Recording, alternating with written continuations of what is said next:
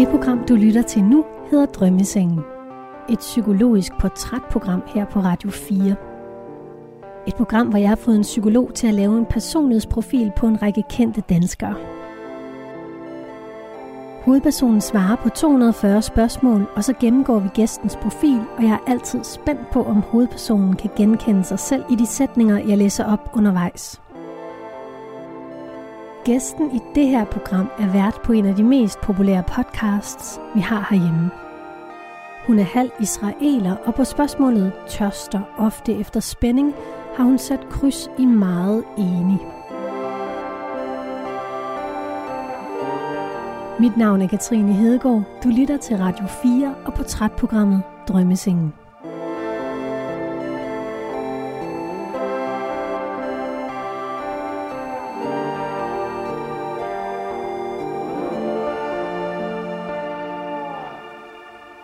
Her, de her drømmesenge. Ja.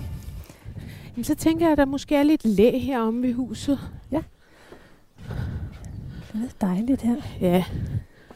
Du skal lige have den sammen igen, Ditte. Nå. Fordi det, du skal have de her ud først. Nå, hvor helvede. Yes. Nu skal jeg bare til. Prøv at se, skal jeg ikke lige gøre det, fordi... Og så. Smukt. Ja, de er flotte, ikke? Jo, jeg ville ønske, at jeg selv havde sådan en. Sådan der. Så kan du bare lægge den, hvor du vil. Og så har jeg nogle hønder. Og du har noget pelsshow. Det har jeg. Så tror jeg sgu ikke, vi kommer til at fryse. Det er aften nu. Hvad er klokken efterhånden? Den er ved at være 8. Ja. Så det er jo lidt køligt. Hvor er vi henne nu? Altså, vi er i uh, Elsegårde. Ja. Som, altså, jeg ved ikke specielt meget om, hvor jeg er. Jeg ved, jeg er øh, på Sydtjurs.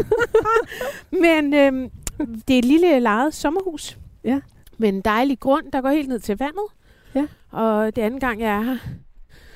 Min øh, kæreste har lejet huset et par gange, og er meget glad for at komme i det her område. Og så tjekker jeg lidt ud af byen en gang imellem, og, og tager med. Ja. Det er sgu meget rart. Altså komme ned i sådan et helt andet gear. Er der noget Øh. helt andet end midten af København? ja, og jeg er meget glad for midten af København, men jeg må sgu også indrømme, at øh, ah, der, man kommer bare ned i et andet tempo, og så ligger jeg gætter kryds og tværs, og så sover jeg til middag og sådan noget. Sådan ligesom en gammel dame. det synes jeg er vildt dejligt. Så ender vi de der pelse ja. og noget dyne. Ja. Og din rabarbervin. Og te. Ja, det er så lækkert. Det må vi heller ikke glemme. Sådan der. Jeg sidder altså sådan ret op og ned. Ja. Jeg stener bare lidt her. Gør det. Har du haft nogen i stolen, hvor den der psykolog har sagt, det er en psykopat? Det kan jeg ikke rigtig sige, tror jeg. Kan du ikke? Du kan da godt Jeg sige, da om godt der sige var en, hvor det var sådan lidt tydelig narcissist med et stænk af sociopat. Ja. jo, men det har jeg. Ja. Ja. Det er spændende. Men så må man jo lytte til programmerne for at finde ud af, hvem det kan være. ja. Det kan være, det bliver det her program. Nej, Nå, det var godt. det gør det ikke. Nå.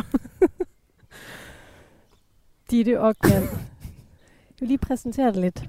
Mm. Du er halv israeler. Du taler hebraisk. Du gjorde i hvert fald en gang. Mm. Du er journalist. Og så er du vært på den meget populære BT-podcast, det vi taler om. Ja. Du har udtalt, at øh, du siger ja til det meste. Og nu har du også øh, sagt ja til at ligge her sammen med mig. Ja. Det er ret modigt af dig. Ja. Jeg tænkte også, sådan, at det er et vildt projekt. Øh, altså, man giver jo meget, og det har jeg faktisk ikke noget problem med. Jeg er ikke et specielt privat menneske. Men med sådan et program her, der giver man måske også mere, end man selv er klar over. Som du sagde, altså jeg siger faktisk ja til det meste. Og tænker også, at altså, hvad er det værste, der kan ske? Jeg synes, jeg er sådan ret godt hjemme i mig selv. Og hvis der kom et eller andet underligt frem, så ville jeg jo være stærk nok til at sige, det har jeg ikke lyst til at tale om, eller et eller andet, uden at det skulle sætte hverken dig eller mig i en eller anden ubehagelig situation. Ja, det skal du bare gøre. Ja, ja. Ja. Men jeg tror nu egentlig ikke, at det ved jeg sgu ikke. Jo, det kan da godt være, at der kommer et eller andet. Men Ja. ja. det kommer an på, hvordan samtalen udvikler sig. ja. Men hvis du sådan, øh, altså hvem, hvem tænker du, at vi skal se? Det er jo dit selvbillede, vi skal kigge ind i. Ja, øhm, jamen, jeg opfatter mig selv som meget nysgerrig, og jeg opfatter mig selv som åben. Også over for andre mennesker. At min vennekreds er meget, meget bred. Altså alt fra akademikere, selvstændige, hjemløse og dranker. Alle mulige mennesker kender. Ja. Og, men, men sådan, som person, så synes jeg selv, at jeg er sådan rimelig liberalt tænkende og ja, åben. Mm. Så har jeg også en dy- alle de dårlige sider selvfølgelig. Hvad er det for noget? Jamen det kan være, at øh, jeg har sådan meget mange følelser. Jeg kan godt have, altså virkelig mærke mig selv.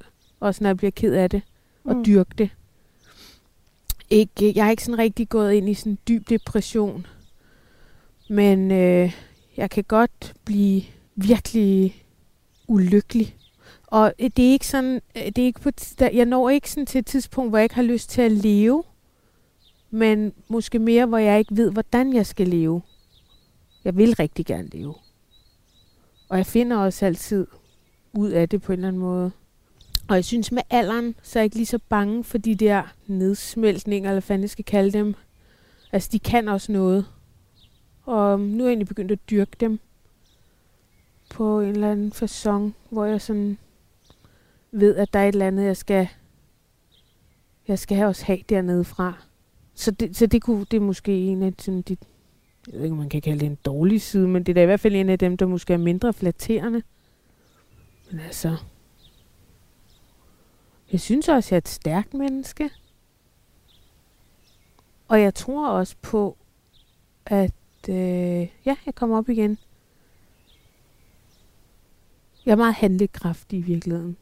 Om jeg så skal se en psykolog, eller om jeg ringer til nogle venner eller sådan noget. Men, men det er også okay at tage nogle dage, hvor man virkelig bare ligger og jeg har lyst til at sige, græder i sin sofa, eller sætter noget musik på, der virkelig også sådan får dyrket de helt store følelser, og øh, hvor jeg måske også ja, har brug for den der fordybelse, der kan gøre lidt nas en gang imellem.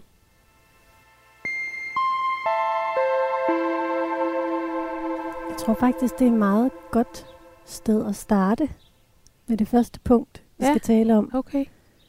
Charlotte, som er psykologen bag det her, hun har lavet fem hypoteser til mig, Ja. som sådan, så vi dykker ned i fem forskellige træk i din personlighed. Mm-hmm.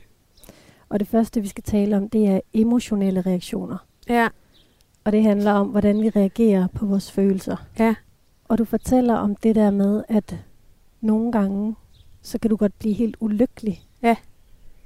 Kan du fortælle lidt mere om, hvad en presset situation kan være for dig? Øhm, altså, der er faktisk forskel på, om jeg er presset. Det er ikke presset, der gør mig ulykkelig. Det er mere øh, følelsen af, at øh, jeg er alene, at jeg ikke sådan har det omkring mig, jeg har brug for. Når jeg har brug for noget hjælp, eller brug for noget støtte, jeg har brug for et øh, net, jeg har brug for noget omsorg, jeg har brug for et varmt tæppe, jeg har brug for en eller anden form for, ja, sådan støtte. Det føler jeg med mellemrum, at jeg ikke har. Det er ikke sikkert, at det passer. Det ved jeg faktisk ikke. Men sådan kan det, sådan kan det indimellem føles. Altså, at du ikke har nogen venner eller familie, der kan hjælpe dig, når du har det skidt. Ja, måske. Så du har ikke rigtig nogle rigtig gode venner. Jo, det har jeg. Og det ender jo også med, at jeg tager fat i dem. Men det er en, det er en, det er en sær, sær følelse. Altså, jeg, jeg har det lidt som om, det er sådan en følgesvend, jeg bare har. Altså, jeg har altid følt mig øh, alene, siden jeg var barn. Siden jeg var helt lille. Jeg var også meget alene. Altså, mine forældre arbejdede meget, og jeg voksede op i en generation, hvor vi bare sådan i, i, i lang, vid udstrækning passede os selv. Jeg er sådan barn af 70'erne, og altså, mine forældre arbejdede sent, og de havde skide travlt, og Øh, vi havde barnpige derhjemme, som passede os. Jeg gik selv i børnehave. Altså jeg tror sådan, det, det er kommet som sådan et, det er mit livsvilkår. Altså jeg er bare alene. Øh, og det betyder også, at jeg har truffet nogle fuldstændig vanvittige beslutninger engang imellem i mit liv om en opvækst og sådan noget. Fordi der var ikke, altså det var ikke sådan, at jeg spurgte om råd, eller der var, altså jeg, jeg, jeg ved ikke engang, om jeg er blevet opdraget rigtigt, hvis jeg skal være helt ærlig. det, det er sådan lidt, det var bare, altså vores familie var sådan nogle, altså vi var ligesom sådan nogle øer, der havde vores eget, egne små liv, og så på en eller anden måde fik det til at hænge sammen. Du voksede op øh, med en mor og en far og en storebror. Ja. Jeg er ikke rigtig vokset op med min far. Min forældre blev skilt, da jeg var seks, vil jeg tro. Måske syv. Og han øh, var sådan en rimelig rodløs type. Han er død i dag. Han var israeler. Han var israeler, ja. Øh, og han flyttede sådan lidt rundt på må og få, og så, så, så flyttede han tilbage til Israel. Og så begyndte jeg at få postkort fra Thailand, og så fik jeg postkort fra alle mulige fjernøstenlande. Jeg har dem liggende nede i en kælder. Hvad skrev han? Han skrev, Kære Ditte og Kim, håber I får en god påske. Glæder mig til at se jer. Vi ses snart, eller sådan noget. Så, så var der en, en eller anden flot koral eller sådan på, på postkortet, eller en eller anden farverig fisk. Det var det. Det var ikke sådan, vi talte i telefon en gang om ugen eller sådan noget. Og jeg, jeg tror også, at det var nok ikke vildt usædvanligt for den tid heller. Altså sådan nogle skilsmisse børn fra 80'erne, det var også, når man så sin far hver anden weekend. Det var ikke sådan noget 7-7-ordning og fællesspisning hver onsdag. Og så det... Det var meget øh, din bror Kim, der også tog sig af dig, ikke? Altså, ja. Når dine forældre kunne finde på at rejse, Ja. eller sådan. Ja, Og så vi var meget sammen. så var det ham, der lavede mad. Ja, det var det. Så vi levede...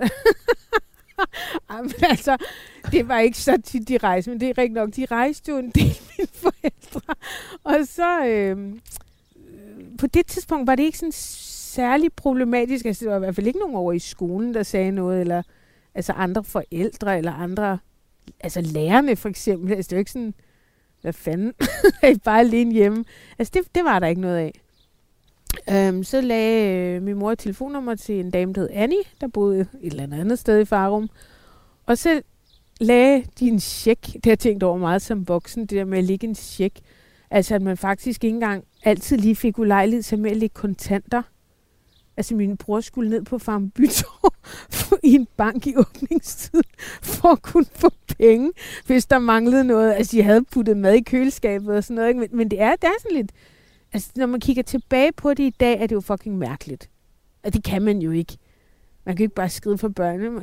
Jeg, har måske været 10, og han har været 13, eller måske yngre endnu. Det Ja. ved jeg ikke. Og så, og så var de væk en, det ved jeg ikke, en trænetter eller sådan noget. Ikke? Og så var det ligesom bare hans ansvar at få mig i skole, og øh, altså, ja, aftensmad alt sådan noget. Men altså, når jeg sådan kigger tilbage, det er jo ikke fordi, altså, der er sådan noget videre skadeligt ved det. Jeg tror, der er noget skadeligt i, i relationen til forældre. Altså, jeg, jeg er ikke sådan, føler mig ikke super knyttet sådan familiemæssigt. Jeg føler ikke, jeg har et eller andet ansvar for min familie, fordi jeg synes ikke rigtig... Ja, altså, vi var nok bare sådan hver vores lille liv, ikke?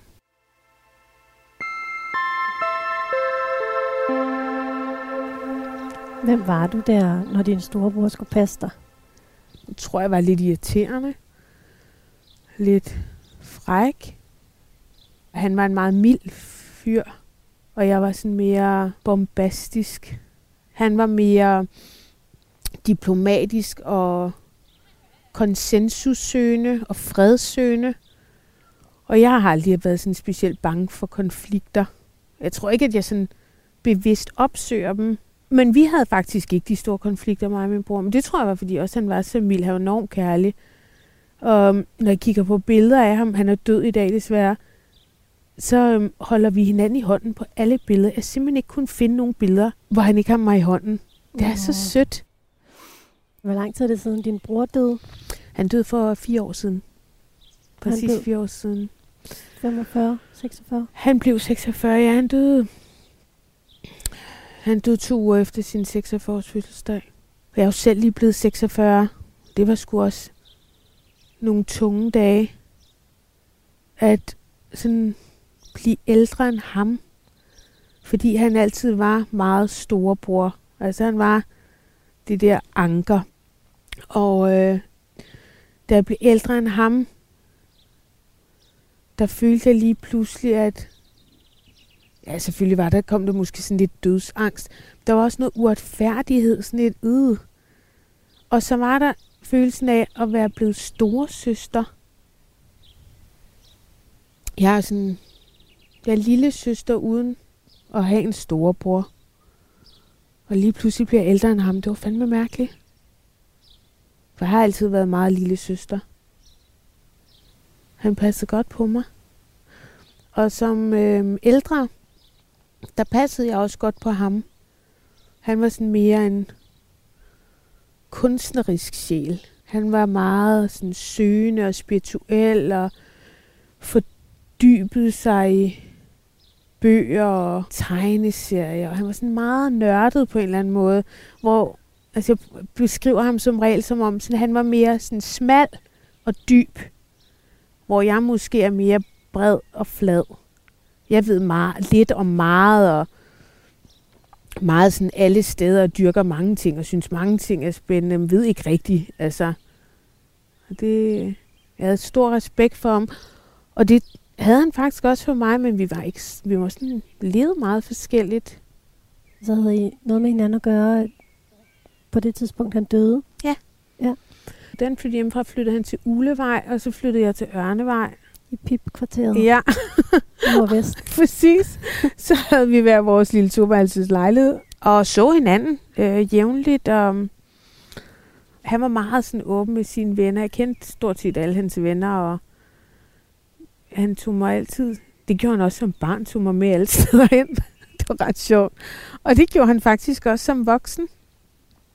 I, ja. i fødselsdagsgaver og julegaver, der gav han mig tit øh, oplevelser sammen med ham. Altså sådan koncertbilletter til et eller andet. Eller, så vi så hinanden jævnligt. Og um, jeg tænker tilbage på ham som altså et, sikkert et held, at jeg fik ham. Ja.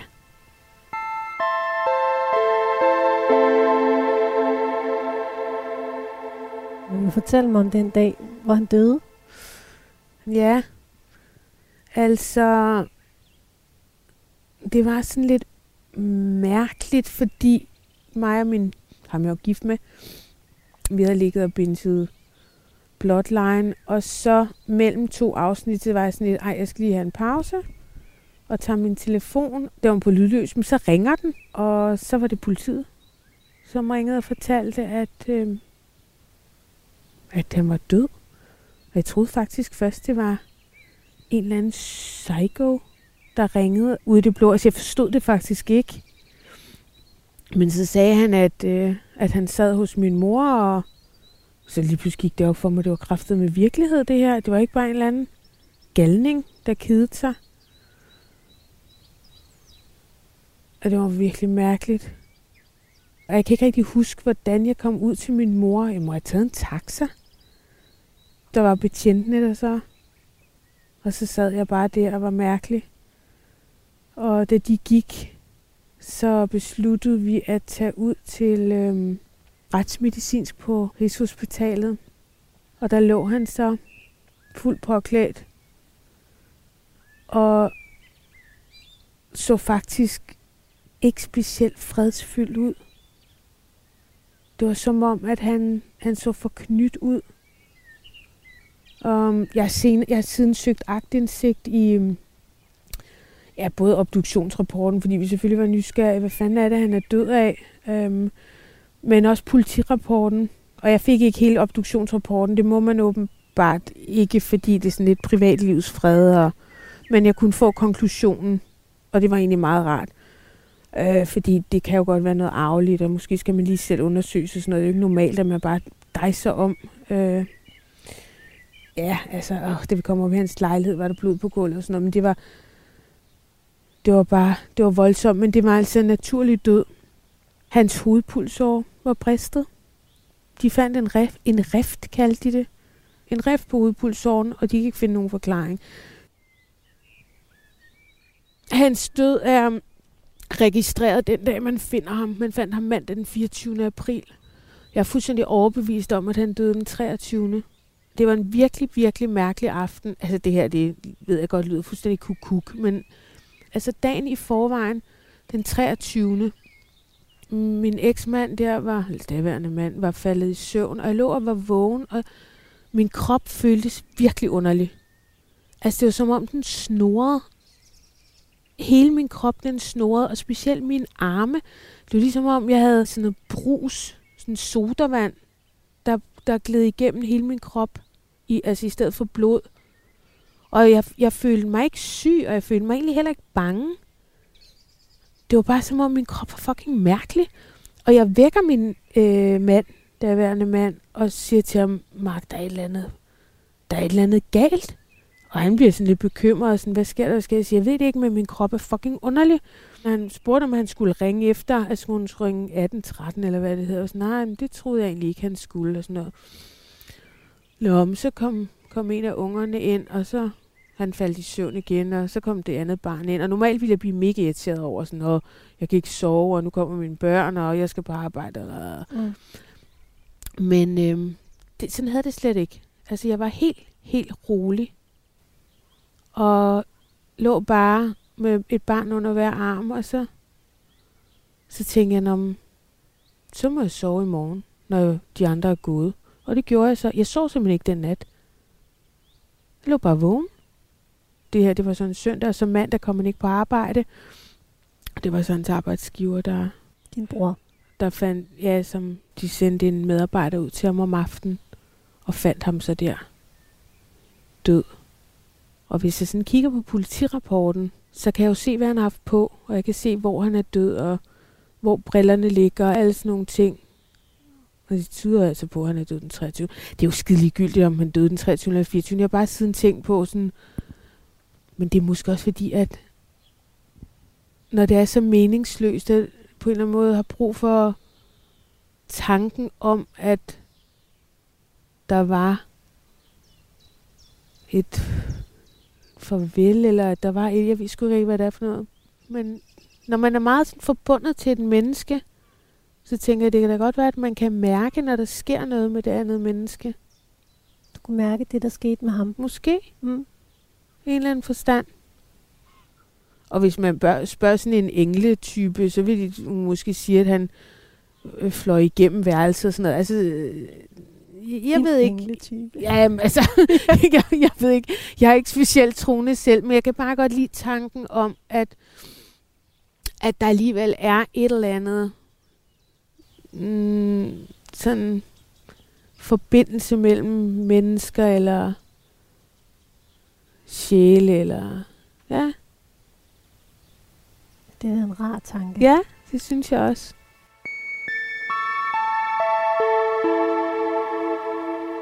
Du lytter til Drømmesengen på Radio 4 med mig, Katrine Hedegaard, og jeg ligger her sammen med dig, Ditte Ockmann, på to drømmesenge foran dit sommer, eller ikke dit sommerhus, et Min sommerhus. det var. Du har lejet ja. i Elsegårde Ja. ved Æbeltoft. Ja. Ditte, vi har allerede været virkelig vidt omkring, og vi Ja. har simpelthen et stramt program. Ja. Øhm, Men hvad siger hende der psykologen? Jamen, jeg har, jo, jeg har jo tusind spørgsmål her, jeg skulle stille dig, inden jeg læser det op. Nå, okay, undskyld. simpelthen allerede svaret på meget af det. Nå. Men øhm, det virker helt mærkeligt at gå videre til noget andet nu. Jeg tænker, vi vender lidt tilbage til det her igen. Okay. Din profil viser, at øh, din sociale ængstelighed, den er meget lav. Mm. Altså en ekstremt lav. Der er intet, der kan gøre dig flov. Nej. Og du er ligeglad fuldstændig med, hvad andre tænker. Hvad tænker du om det? Ja, men det er nok rigtigt. Det er sjovt. Social ængstelighed, ja, ja det har jeg sgu ikke. Nej. Nej. Altså, jeg er ikke særlig optaget af, hvad folk de øhm, tænker om mig. Og så tror jeg måske også, jeg har tilpas meget, øh, jeg ved ikke om det er selvværd, men jeg, jeg glæder mig altid til at møde nye mennesker. Altså jeg har altid en forventning om, at det er, det bliver fedt. ja. Så er der noget i din profil, som viser, at når du er under pres, så har du en tendens til at give efter for dine umiddelbare behov. Ja. Hvad gør du? Altså når du sådan er du er under pres? Under pres, ja. Altså jeg, jeg ved i hvert fald, at jeg reagerer meget umiddelbart. Mm. Og nogle gange ikke helt så hensigtsmæssigt. Altså så sent som i går fik tilsendt noget fra en afdeling på min arbejdsplads, og var bare et asshole i en mail. Var du et asshole? Ja, det var jeg. Og det var sådan, at jeg lige, altså, da jeg læste den igennem igen en time efter, jeg selvfølgelig havde sendt den. Øhm, for mit behov var at sige, at det her, det er simpelthen ikke godt nok. Og fik det bare formuleret så fucking usympatisk. Sådan helt kort for hovedet og bare... Pff. Altså, ja, jeg kan næsten ikke engang gense, hvad der stod i den med, fordi jeg synes, det er så flot. Og hvad stod der? At jeg synes, det mindede om et øh, polsk klovnecirkus, og altså alt muligt me- mega strengt. og så... Øhm, polsk klovn. Fra 80'erne, ja. Og så, øh, så, så, så sad jeg lidt og tænkte over, hvad, hvad, hvad, hvad, altså, slap dog af, skør kælling. Altså, hvorfor? Men det er bare den der umiddelbare... Øh, og så skrev jeg altså undskyld bagefter, og så sendte jeg en mail, var sådan, ah, okay, jeg har lige læst den igennem. Det var lige Det var ikke sådan, det skulle formuleres. Øh, så formulerede jeg lige, på at undskyld. Jeg er virkelig, det var ikke i orden. Øhm, og de var sådan, Nå, okay, men fint nok, og skide søde, altså mega søde. Og så, øhm, så fandt vi jo ud af det stille og roligt, ikke? Men jeg reagerer, jeg reagerer sgu nok sådan lidt prompte en gang imellem. Ja. Det er sådan umiddelbare behov for at så komme af med din aggression. For eksempel, ja. Ja. ja. Jeg kan fandme ikke holde på noget. Nej. Det er vildt svært. Og jeg er jo på mange måder sådan både kommunikativt, fornuftigt og strategisk menneske, men netop under pres, altså så, jeg kan også altså blive sådan helt nazi og begynde at gøre rent helt sindssygt, og have alting bare skal lige pludselig være på en bestemt måde. For at bevare en eller anden form for kontrol, når det sejler, mm. eller jeg Mhm. føler mig presset. Mm. Hvad med sådan noget med at drikke vin? Nej, det gør jeg faktisk ikke. Det læste jeg bare, at det var noget, du, du, du tog meget på, sådan på byture og sådan noget. Nej, det var efter min brors død. Ja. Ja, men det var, det var noget helt andet. Altså, det var... Øh, jeg drikker faktisk aldrig i hverdagen. Jeg drikker, øh, jeg drikker alkohol som et barn. Altså, jeg er sådan en... Ah, okay, barn, men så lad os sige ung. Altså, det er... Det for at blive fuld. Mm. Og det, det, så det er kun, hvis jeg er til fest. Ja. Eller hvis jeg er i et eller andet... Altså, ude at spise, og der ikke er nogen bagkant eller sådan noget. Ellers så rører jeg faktisk ikke alkohol. Jeg drikker ikke. Jeg har ekstremt meget af det, vil jeg så sige. Men altså, det er ikke nok efter min bror døde. Men der sejlede alt. Der var jeg bare på en kæmpe flugt. Altså kæmpe flugt. Mm. Jeg kunne slet ikke holde ud og mærke noget. Og øhm,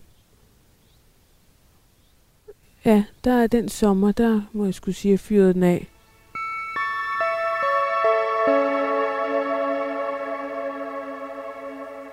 Hvilke konsekvenser kan det have for andre mennesker, når du får tilfredsstillet de der umiddelbare behov? Altså, jeg tror, at det har negative konsekvenser, når man fyrer sådan en mail af, eller hvis man står og skiller folk ud, eller... Men jeg er lidt i tvivl om, hvad det er, hun mener. Jeg kan måske lige læse den op for Ja, dig, den her det. emotionelle reaktioner. Ditte bekymrer sig ikke og bevarer til syneladende roen og evnen til at kunne håndtere stort set alle situationer. Der er ikke meget, hun opfatter som værende for farligt eller risikofyldt. Hun fremstår afbalanceret og selvsikker. Kan du genkende det? Ja, kan jeg godt. En, der gør tingene på sin egen måde, uafhængigt af andres meninger.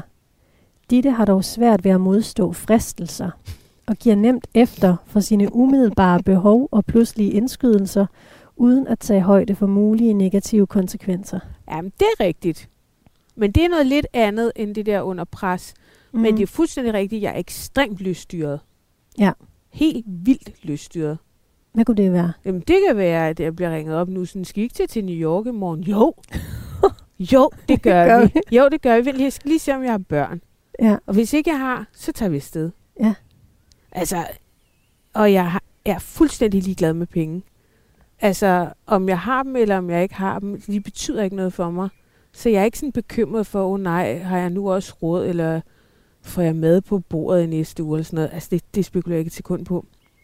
Det, er, det har heller aldrig rigtig været et problem, fordi Nå, så hvis man ikke har så mange penge, så lader jeg være med at bruge så mange penge. Og når jeg har mange penge, så bruger jeg dem alle sammen. Altså, jeg er sådan meget careless på den der måde. Altså, jeg synes sådan, det, det kan vi godt finde ud af. Jeg finder, det, hvis jeg har lyst til et eller andet, så fikser jeg det. Jeg synes også, jeg oplever vildt mange ting på den måde. Ja. Fordi at, at øh, ja, at, at, at hvis jeg har lyst, så ja, det driver mig fandme langt. Jeg har læst, at du har et mantra, der er, at øh, du vil have det vildt. det, det er Thomas Verlin, der, der har sagt det. Jeg vil bare have det vildt hele tiden, siger og jeg kan virkelig godt forstå det. Jeg vil også gerne have det vildt hele tiden. Jeg er blevet meget, meget opmærksom på, at det her liv, det øh, har en udløbsdato. Og jeg er også blevet ærgerligt bevidst om, at jeg ikke kender den udløbsdato. Mange af min familie er altså ikke blevet specielt gamle. Min farmor døde, da hun var sidst i 60'erne.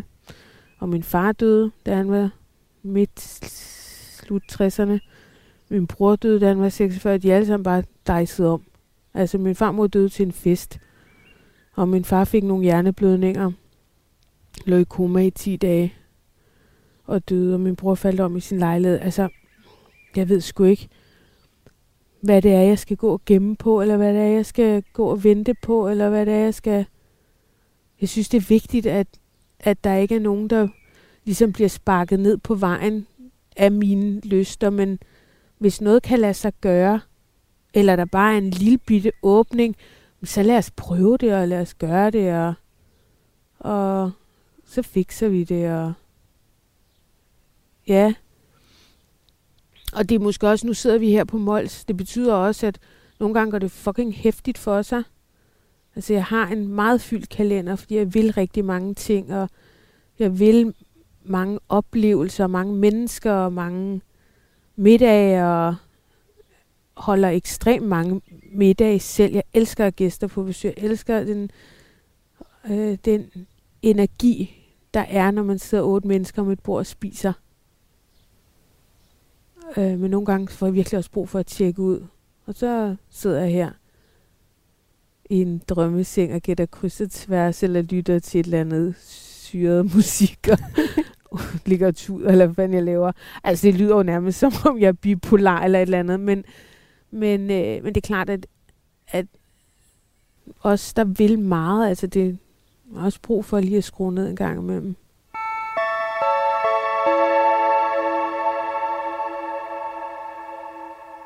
Du lytter til Drømmesengen på Radio 4 med mig, Katrine Hedegaard, og jeg ligger her sammen med dig, Ditte Ockmann, på Mols Mm. i Elsegårde på Ja. en terrasse. Klokken den er ved at være, ja det ved jeg ikke, ni, Sikkert. og vi ligger med dyner. Ja. Ja. Jeg skal lige have den her dyne lidt længere ned over mine fødder. Og så skal jeg lige have en tår af den her vin, din Ja. dejlige kæreste har hældt op til mig. Ja. Rabarbervin. Dansk vin, vi har købt her på øh, i Knebel, tror jeg, eller lidt uden for Knebel. I, øhm, i Vrenders. Ja, det er rigtigt. Uh, den Men er du god. er local. Ja, prøv Ja. Høre, det er sådan en, man kan sidde og bille på en eller anden. Hold da fast. Ja, ja. ja. Jeg troede også, du var løgn, der dreng var sådan et, wow, giv mig en kasse af den. jeg har en kasse ude i bilen. Men du har også lige købt to vinkøleskab. Ja, det har jeg, da jeg flyttet. Jeg Men alligevel drik- drikker du ikke vin. Altså, jeg drikker vin, men jeg gør det kun i, i sådan meget sociale lag. Altså, der skal være en anledning. Mm. Og en anledning er ikke, at jeg skal have aftensmad. Nej. Og en anledning er ikke, at jeg er træt efter arbejde og skal have skoene af og et glas vin i hånden. Det gør jeg ikke. Anledningen skal være social. Altså, det var lidt ligesom i gymnasiet, hvor jeg også røg has en gang imellem. Altså, det var jo på Roskilde Festival. Mm. Det var ikke nu er det fredag. Altså det, så, så på den måde, øh, så er det sådan, hvis man kigger på mængden af vin, er den sikkert stor, men den er meget komprimeret til, til særlige anledninger. Okay. Ja. Det passer meget godt med, med det, vi skal tale om nu. Det er nemlig ekstroversion. Og det handler om den mængde energi, vi retter udad mod vores omgivelser, samt vores behov for stimulation udefra. Mm. Hvordan tror du, at andre opfatter dig, når du træder ind i et rum? Jeg vil ønske, at du havde spurgt nogle andre om det. For jeg, altså, jeg tror, der er mange, der synes, jeg er et kæmpe røvhul. På en eller anden måde sådan har en idé om, at jeg er en rappen skralde, og jeg er en eller anden kæmpe killing, og jeg siger strenge ting og sådan noget. Det kunne jeg godt forestille mig. Men jeg tror også, at det er jo selvfølgelig, det siger måske også lidt om min personlighed, men jeg er ret overbevist om, at når folk lærer mig at kende, så synes de også, at jeg er sød. Fordi jeg er faktisk ret sød. Du er da vildt behagelig. Men det kan godt være, at nogen lige har brug for sådan at finde ud af, hvad fanden er hun for en. Men jeg er meget, meget høflig og mildere, end jeg tror, mange forestiller sig. Men hvorfor det der behov for alt det strenge? Men jeg ved ikke, om det er et behov. Altså, jeg tror igen, måske så det er det der lystdrevet. Altså, jeg kan næsten ikke lade være. Og jeg kan heller ikke sige, hvorfor jeg skulle lade være. Altså, jeg, jeg, har, jeg, har, jeg, jeg er nået til et sted i mit liv, hvor jeg har fanget, at man ikke sparker nedad. Men jeg synes, det er vigtigt at sparke opad. Og jeg synes, det er vigtigt at være kritisk. Jeg synes, jeg, jeg, jeg er ikke en af de der debattører, som kommer til at trække mig, fordi der ligger lort i min indbakke. Altså, det gider jeg ikke. Det er fint nok, der ligger lort i min indbakke. Jeg, jeg gider ikke engang at læse det, altså. Du får en del tilsendt. Ja, det gør jeg. Det gør jeg. Men jeg har også et godt spamfilter. Det kan godt være, der nogle gange man misser nogle beskeder og sådan noget. Men dybest set, at- jeg synes også, at alle mulige andre mennesker er kæmpe store idioter. Jeg, jeg, jeg gider så ikke at tænde min computer eller begynde at lede efter deres mailadresse på min telefon. Altså, jeg, jeg, jeg, for mig bliver det bare ved at tænke det. Eller jeg skriver en klumme, hvis jeg synes, det er noget, der rager andre mennesker. Min mening om, om en eller anden, et eller andet. Men øh, altså det der med at sidde og skulle skrive til studieværter, eller fanden, altså det har jeg aldrig forstået en skid af. Og, og, og jeg tager det altså ikke særlig alvorligt. Men jeg er da godt klar over, at folk har en holdning til mig, og det, det må de jo så også gerne have. Det synes jeg er helt rimeligt. Man skal nok også gøre sig helt klart, at kommer ikke til at vinde alle mennesker. Og det skal man jo nok heller ikke. Det er, ikke, det er der ikke nogen mennesker, der kan. Uanset hvor pisse dejlig du er, så er der vel nogen, der synes, hvorfor smiler hun hele tiden? Hvorfor er hun så sød hende? Altså, der, Ja, der er der altid eller et eller andet. pis. Ja. Så det kan man lige så godt glemme. Og det er jo heller ikke, fanden mand, det er heller ikke vores... Altså, jeg er ikke sat i verden for at gøre alle mennesker glade. Nej. Det vil man blive blæst oven i hovedet af at gå rundt og tro. Og forsøge at leve op til.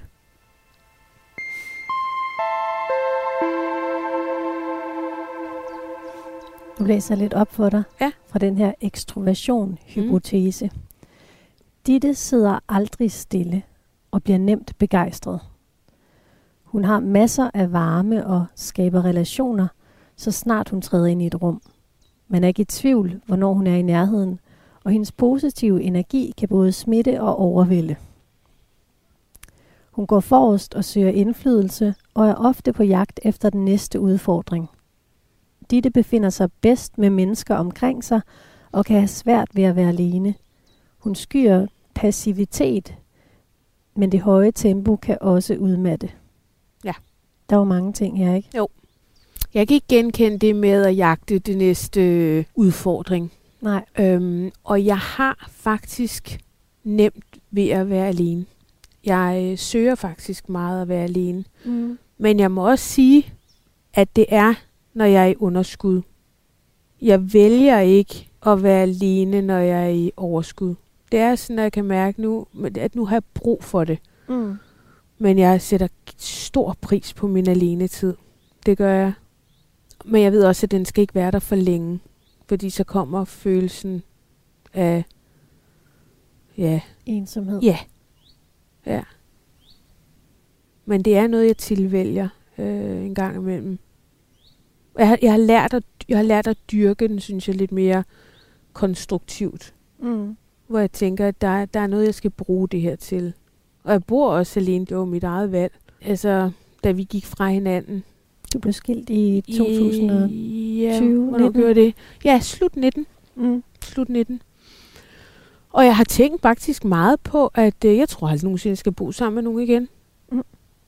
Altså, jeg, jeg skal jo selvfølgelig ikke kunne sige om, mm, når jeg bliver 60, om det måske alligevel kunne være fedt at flytte i et eller andet underligt kollektiv, men Ah, okay, det gider jeg så nok ikke kollektiv, men fint nok. Jeg, jeg, jeg, jeg, jeg, jeg, jeg har simpelthen ikke lyst til at bo sammen med nogen. Jeg har det vildt godt, når jeg låser mig ind i min lejlighed, kan jeg nogle gange altså, høre mig selv sige, åh, endelig hjem. så jeg er helt glad. Ah, alene. Ja. Men det er netop, når jeg er lidt presset. Jeg presser mig selv hele tiden, fordi jeg er, er ude, ikke? Ja. Og i, i aktivitet, og, og det, hun, og hun har ret i det der med, at altså, jeg hader passivitet, men det er specielt også i andre mennesker. Jeg får simpelthen spat af folk, der, øh, altså, der ikke driver det til noget, men bare sidder og brokker sig. Jeg kan ikke holde ud. Men altså, vi, det leder mig videre til det næste punkt, der hedder åbenhed. Ja, Det handler om, hvor åbne vi er over for nye oplevelser af forskellige slags, og vores indstilling til forandringer. ja. Det elsker jeg, tror jeg. Ja. Får du det ud af dit liv, som du gerne vil have? Mm, ja. Og nej. altså ja, det gør jeg i høj grad, fordi jeg gør de ting, jeg har lyst til. Når jeg får en indskydelse, så gør jeg det.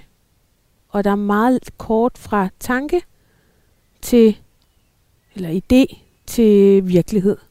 Når jeg alligevel tøver lidt, så er det fordi, at jeg, jeg har sådan lidt en dårlig samvittighed over for mine børn. Jeg har dem kun hver anden uge. Og um, jeg kunne godt tænke mig at leve mere med dem, men jeg kunne også godt tænke mig at være mere nærværende med dem. Og det er virkelig en ting, jeg skal arbejde med. Altså, og koncentrere mig mere om én ting ad gangen, end at have hovedet 2.000 andre steder. Det lider de skulle lidt under, det er ikke rimeligt.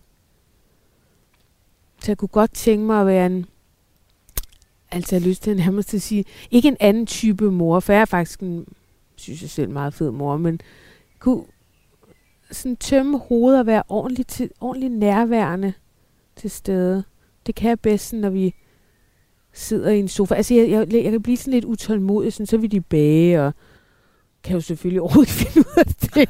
Og så, så skal vi et eller andet. Og så, skal altså, vi- vi laver bare mange ting, og, og så kommer jeg til at svare mails lige pludselig og sådan noget pis, ikke? Altså, men jeg kan næsten ikke forestille mig et øh, bedre liv. Jeg kunne godt forestille mig, når jeg blev gammel, så ville jeg gerne have sådan en Winnebago, og så køre rundt i USA Mm. og bare leve fuldstændig no strings attached. Jeg har bare ikke kørekort.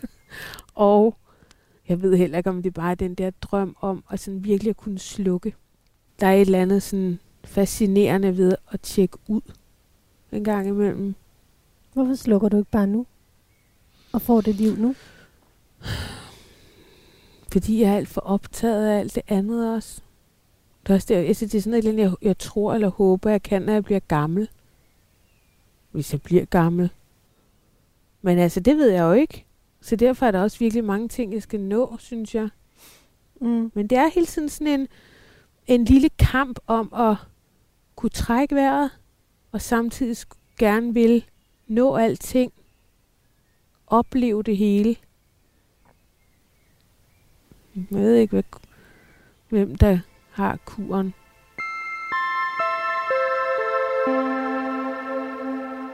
Nu er det ved at blive sådan lidt halvmørkt, faktisk. Mm. Jeg har ikke mine briller på. Jeg skal snart have en pandelampe. Ja, det være.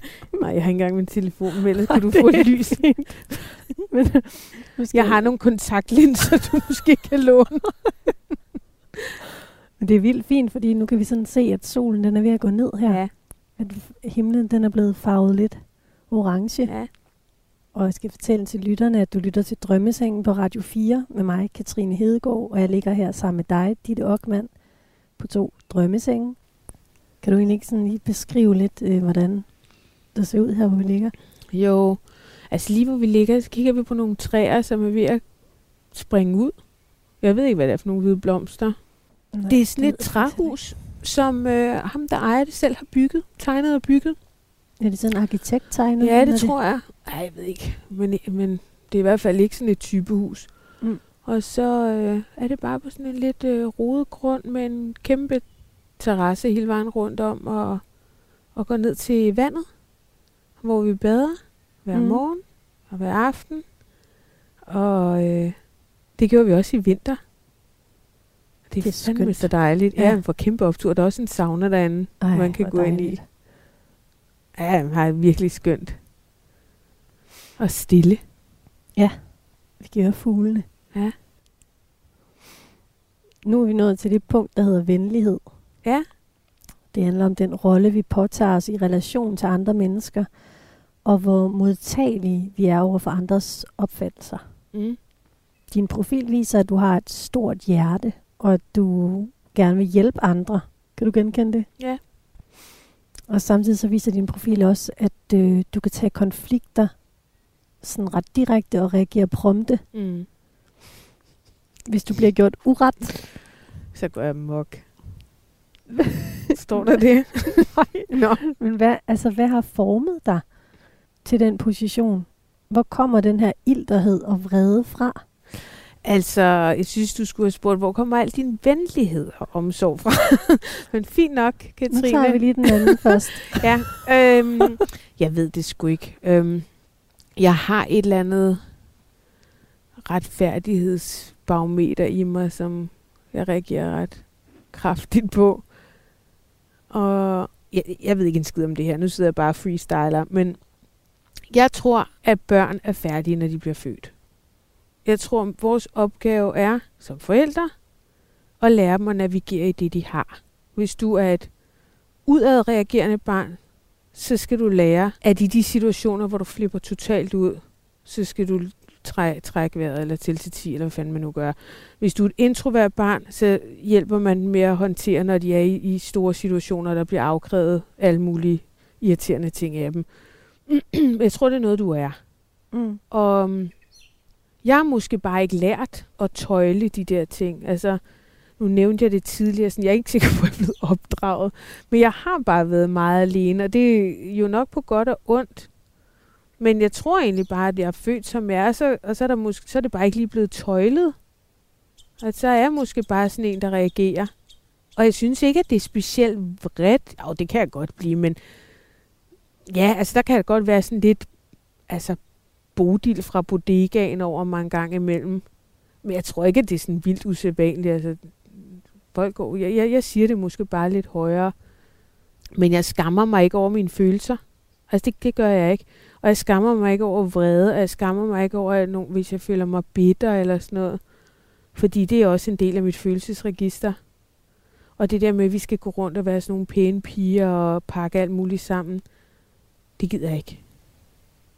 Jeg, jeg, jeg synes faktisk også, der kan være noget forløsende i bare Bæh! at komme ud med det. Og så kan en konflikt jo også slutte lidt hurtigere. Hvordan har du det, når du modtager kritik? Altså noget kan jeg godt se, men jeg tror også, jeg er lidt dårlig til det. Jeg kan godt være sådan lidt, am, det var også fordi. altså, kom en eller anden lam. Jeg kan godt lide tanken om, at jeg kan tage den. Men jeg ved det egentlig ikke rigtigt. Jeg læser lige den her venlighed op for dig. Ja. Ditte møder som udgangspunkt andre med en høj grad af tillid og gode intentioner. Hun har et stort behov for at være noget for andre og tilbyder ofte sin hjælp og støtte. Samtidig er hun kritisk og tolererer sjældent at blive gjort uret. Mm. Hun tager konflikter direkte og oftest fast besluttet på at vinde argumentet. Hun har stor tillid til egne præstationer og er ikke synderligt modtagelig over for kritik. Jeg kan godt genkende det der. Det er vigtigt for hende at opretholde sit eget selvbillede og stå ved den, hun er. Jamen, det er rigtigt. det er lidt klam ord at høre på, men jeg tror altså, det er svært nok. Altså, der er også noget godt i det, der bliver sagt. Men det er nok rigtigt. Altså, jeg kan godt sådan lide ideen om, at jeg er nok Ej, det er sgu rigtigt nok, det at gøre det her. Mm. Kritik resistent. Står der det? gør der? Nej. Eller er det bare noget, du siger? Nej, det skal jeg bare... Øh, det er et spørgsmål, jeg skulle stille dig. Nå. Hvis, øhm, Ej, jeg tror ikke, jeg er kritikresistent, men nej. der kunne måske godt være en rem af huden. Det Ja. kan der nok godt. Jeg synes, alt, hvad jeg laver, er mega godt. Det er da dejligt at have det sådan.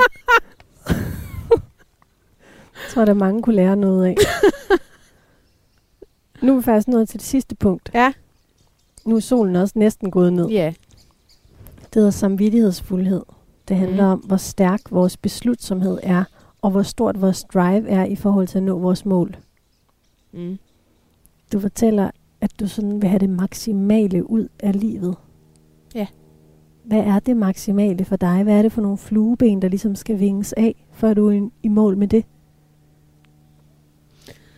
Der er ikke et eller andet, jeg hele tiden higer efter. Jeg er meget nu og her. Mm. Jeg vil have det godt nu. Jeg vil nyde livet lige nu. Så det, der skal vinges af, altså...